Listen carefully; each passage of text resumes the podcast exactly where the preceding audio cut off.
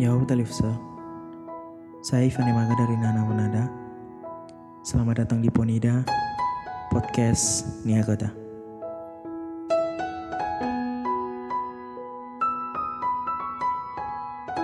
Episode kali ini, aku akan bercerita tentang sebuah cerita yang berjudul Angandewa Zisamuza Oweliwa Zimendua yang artinya yang pertama permintaan, yang kedua pembelian.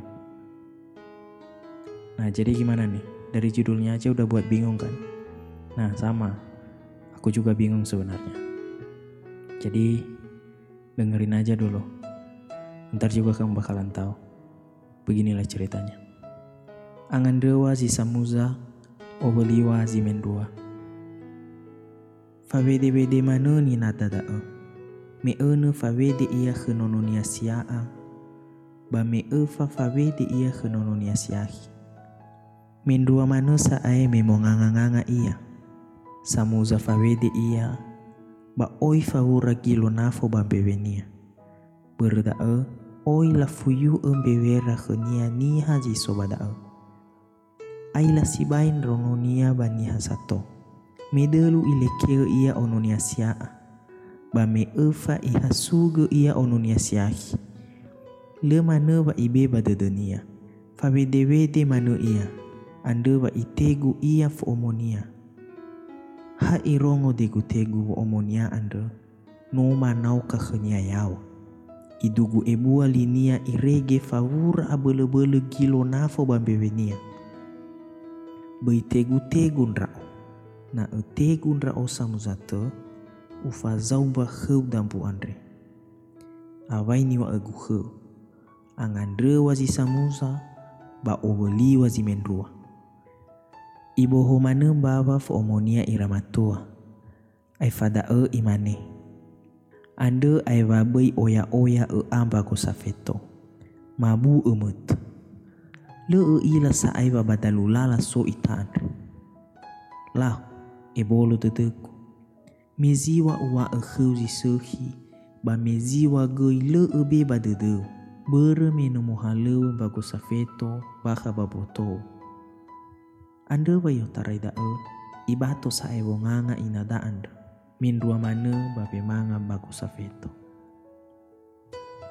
Nah begitulah cerita tentang Angandra Wazi Samuza, Obali Wazi Mendua, di mana ia bercerita tentang seorang ibu-ibu atau emak-emak yang lagi merepet dengan hebohnya dan sambil merepet Air liurnya pun ikutan muncrat ke sana kemari yang membuat orang di sekitarnya jijik, apalagi ia sedang mengunyah sirih.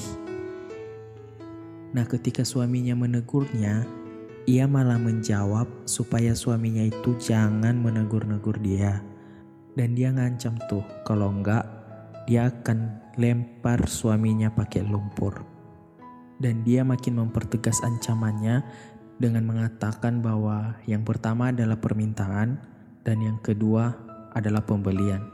Artinya, ya mungkin cara tidak langsung dia mengatakan ke suaminya bahwa cukup sekali dia memperingatkan suaminya untuk tidak menegurnya. Nah, tapi respon suaminya sangat baik karena ia tahu ibu ini merepet gara-gara ia sedang makan siri. Tapi bukan hanya siri aja, tapi dia juga makan tembakau barengan sama sirih. Nah, efek dari tembakau itulah yang membuat istrinya ini seakan-akan seperti orang yang sedang mabuk. Karena kebanyakan memakan, makanya lah dia mengucapkan hal-hal yang di luar kesadarannya.